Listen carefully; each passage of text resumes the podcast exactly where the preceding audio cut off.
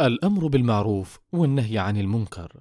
حديثنا اليوم عن شعيرة من أعظم شعائر الإسلام وهي الأمر بالمعروف والنهي عن المنكر. والأمر بالمعروف والنهي عن المنكر من صفات المؤمنين الظاهرة كما قال الله تعالى والمؤمنون والمؤمنات بعضهم أولياء بعض يأمرون بالمعروف وينهون عن المنكر ويقيمون الصلاة ويؤتون الزكاة ويطيعون الله ورسوله أولئك سيرحمهم الله إن الله عزيز حكيم.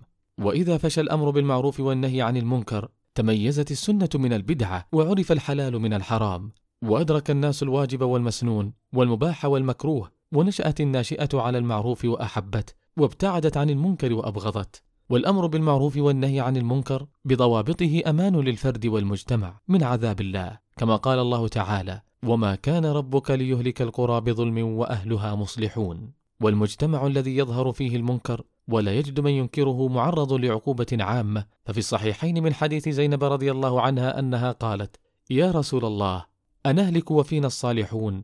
قال نعم إذا كثر الخبث.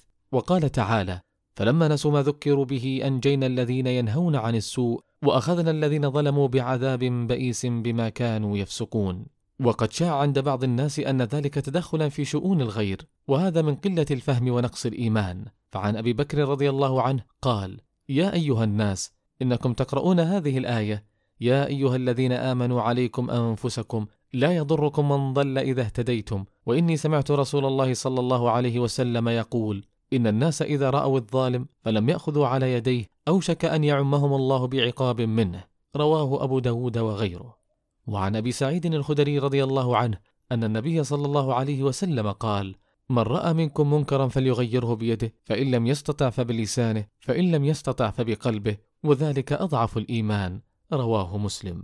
والإنكار بالقلب يكون ببغض المنكر ومفارقة المكان الذي فيه المنكر إن استطاع.